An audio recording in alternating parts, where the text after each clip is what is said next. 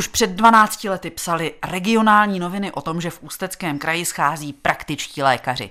A od té doby se situace rozhodně nezlepšila. Proč s tím místní politici něco nedělají? Kde je chyba a jak ji odstranit? O tom si dnes v pořadu, o čem se mluví, budeme povídat s krajským radním z Hnutí Ano, Radimem Lajblem. Hezké odpoledne. Hezké odpoledne. Proč k nám mladí doktoři nechtějí? Tedy k nám do kraje. Tak eh, těžká otázka hned na začátek.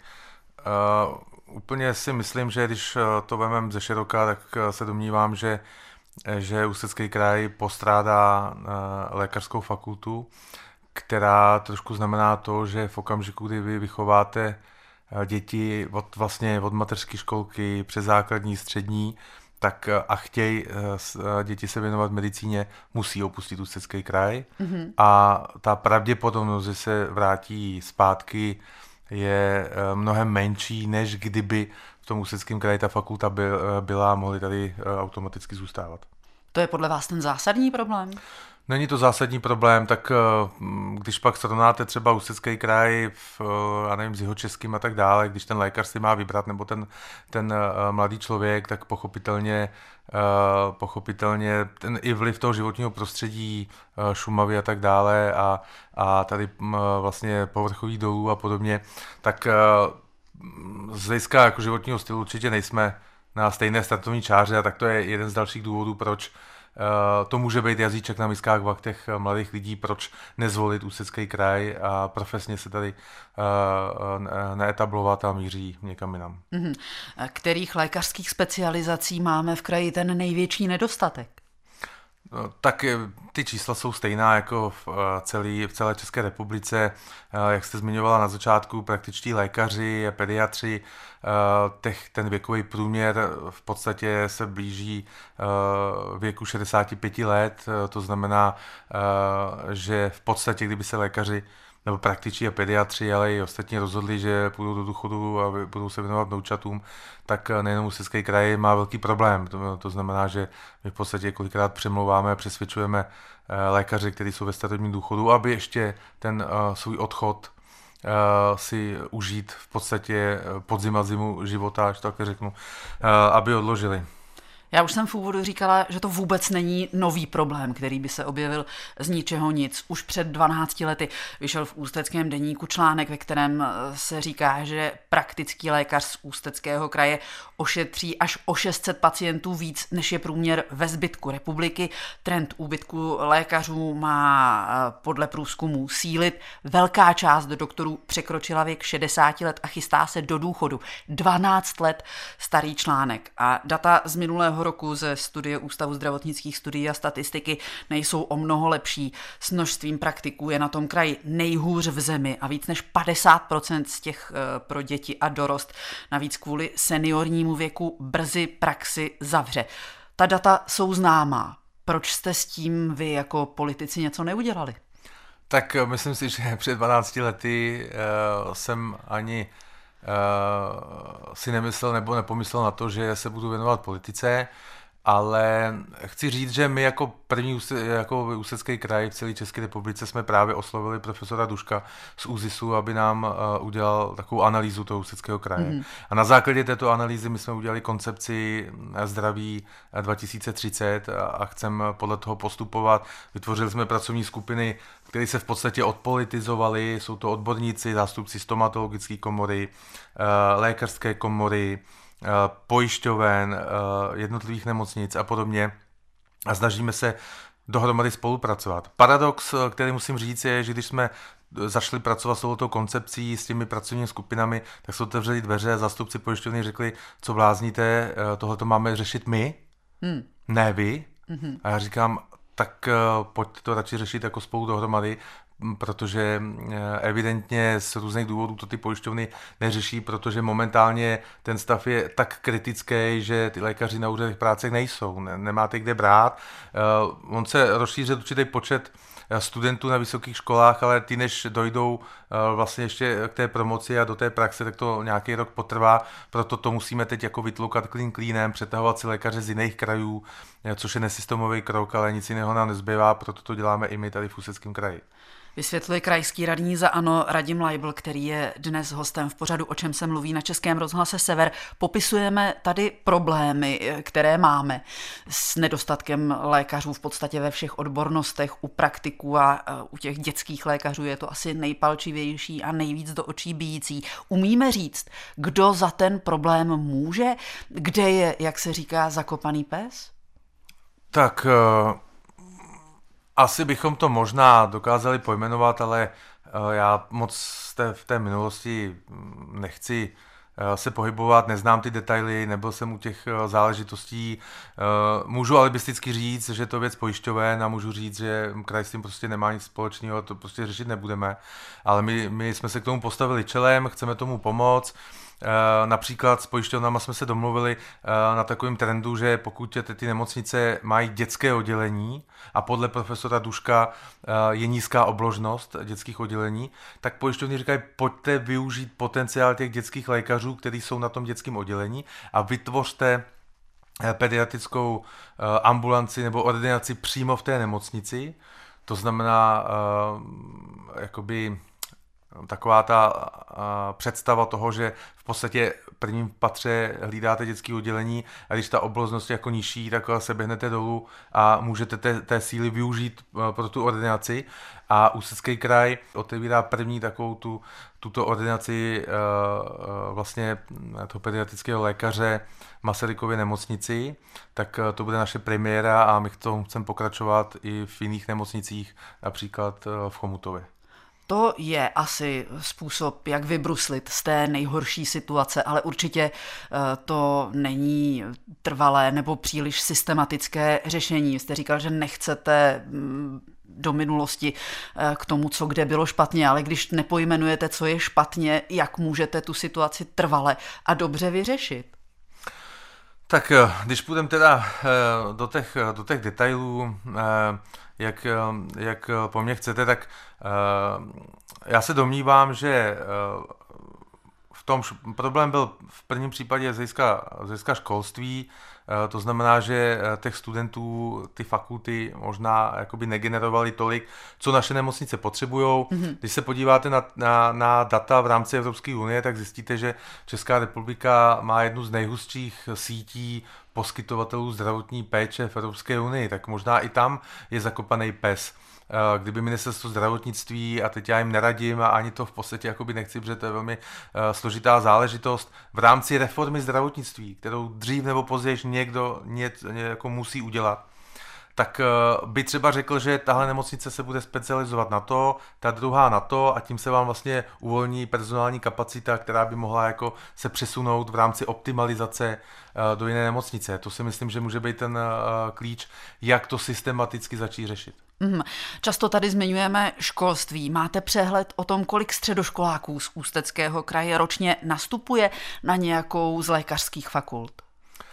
Tak eh, v hlavě to určitě nemám, eh, ty data my máme k dispozici, my se hodně eh, tím zabýváme i v rámci zdravot, středních zdravotnických škol, to řešíme zdravotní sestřičky, těch máme pět těch škol. V současné době připravujeme i kampaň s takovou žádostí, aby tyhle ty studenti, kteří studují třeba v Plzni, v Praze, v Hradci Králové, kam vlastně nejvíc naši obyvatelé studenti z kraje míří, aby se vrátili domů.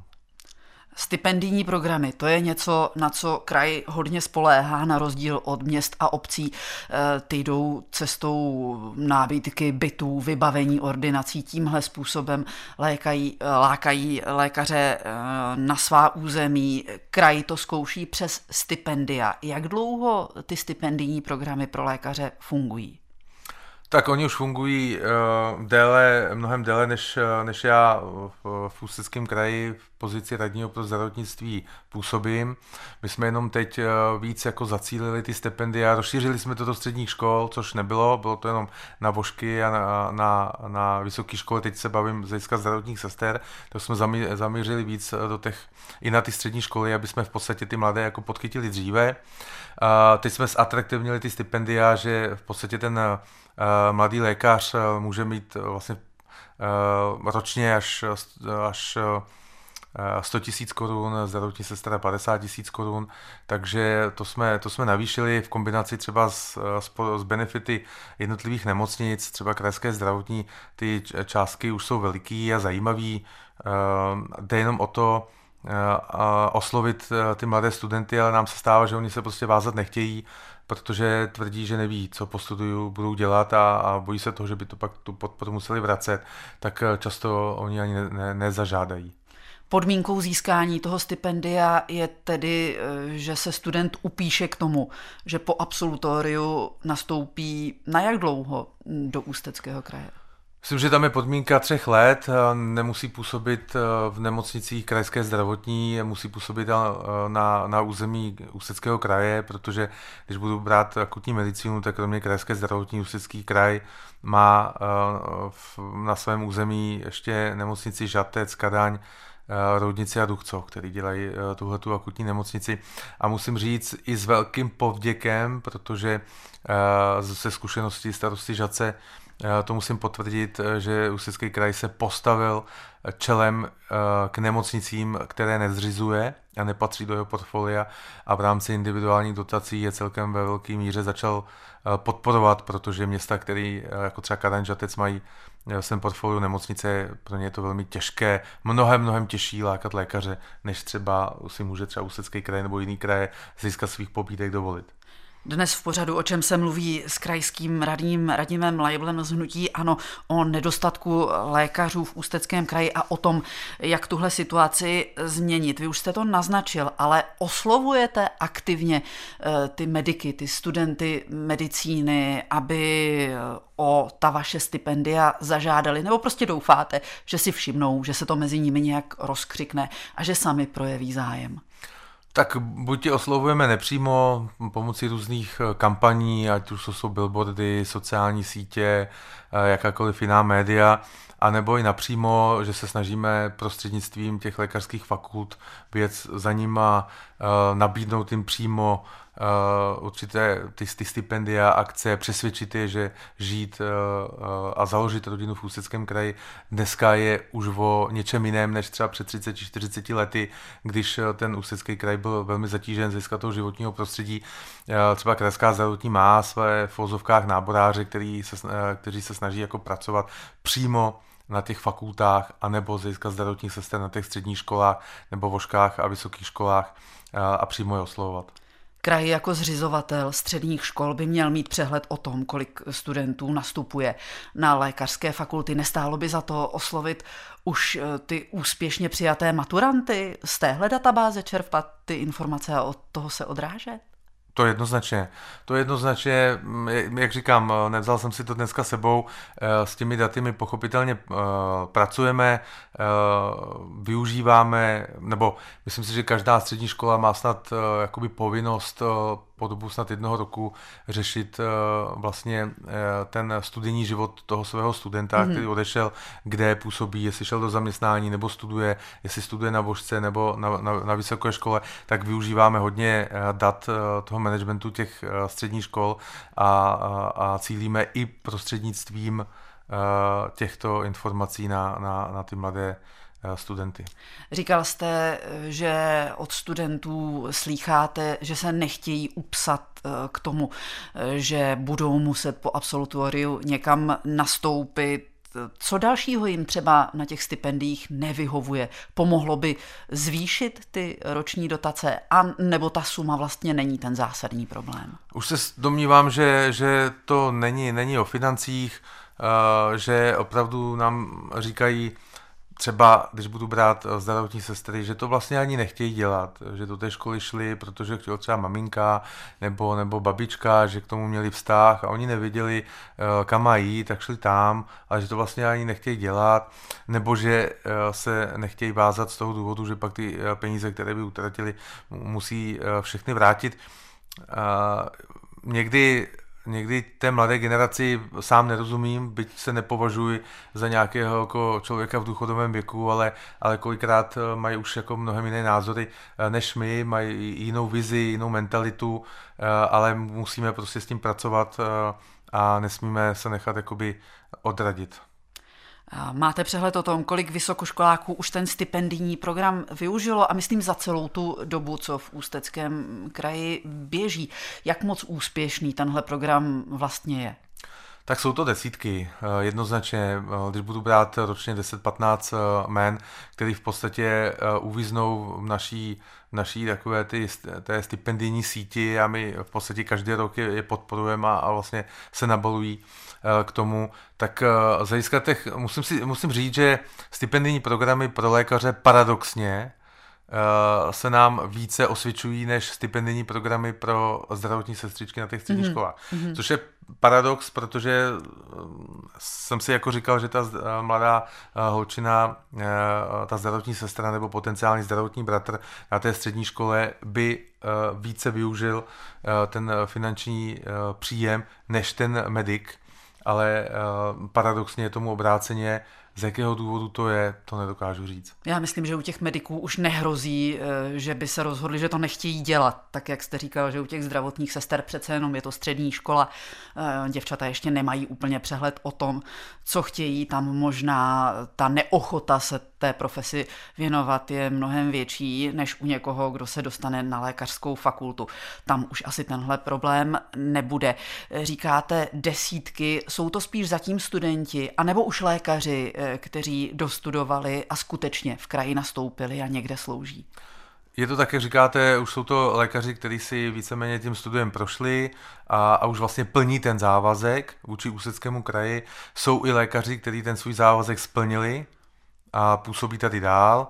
Eh, jsou i lékaři, kteří se rozhodli, eh, že budou působit mimo Ústecký kraj, ať už v cizině, v blízkém Německu nebo v jiném kraji, právě z toho důvodu, že si třeba v Praze v Plzni našli partnerku a rozhodli se tam eh, žít, a založit rodinu, tak pak to stipendium pochopitelně musí, musí vrátit a máme pochopitelně i nové studenty, kteří teprve v tom stipendijním procesu jako jsou. Takže tím, že ten stipendijní program není úplně nový, tak už eh, máme nebo sklízíme ovoce. Teď jenom říkám, zvyšujeme částky, více zaměřujeme na ty detaily, protože každý, eh, každý jedinec je pro nás prostě klíčový.